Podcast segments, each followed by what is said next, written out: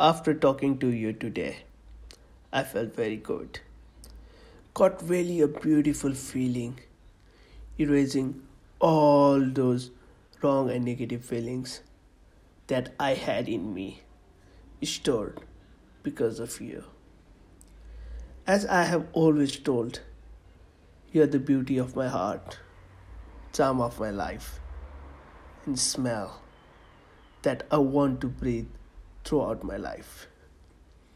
The way you showed yourself today, the way you talk getting on my screen, it just blew me away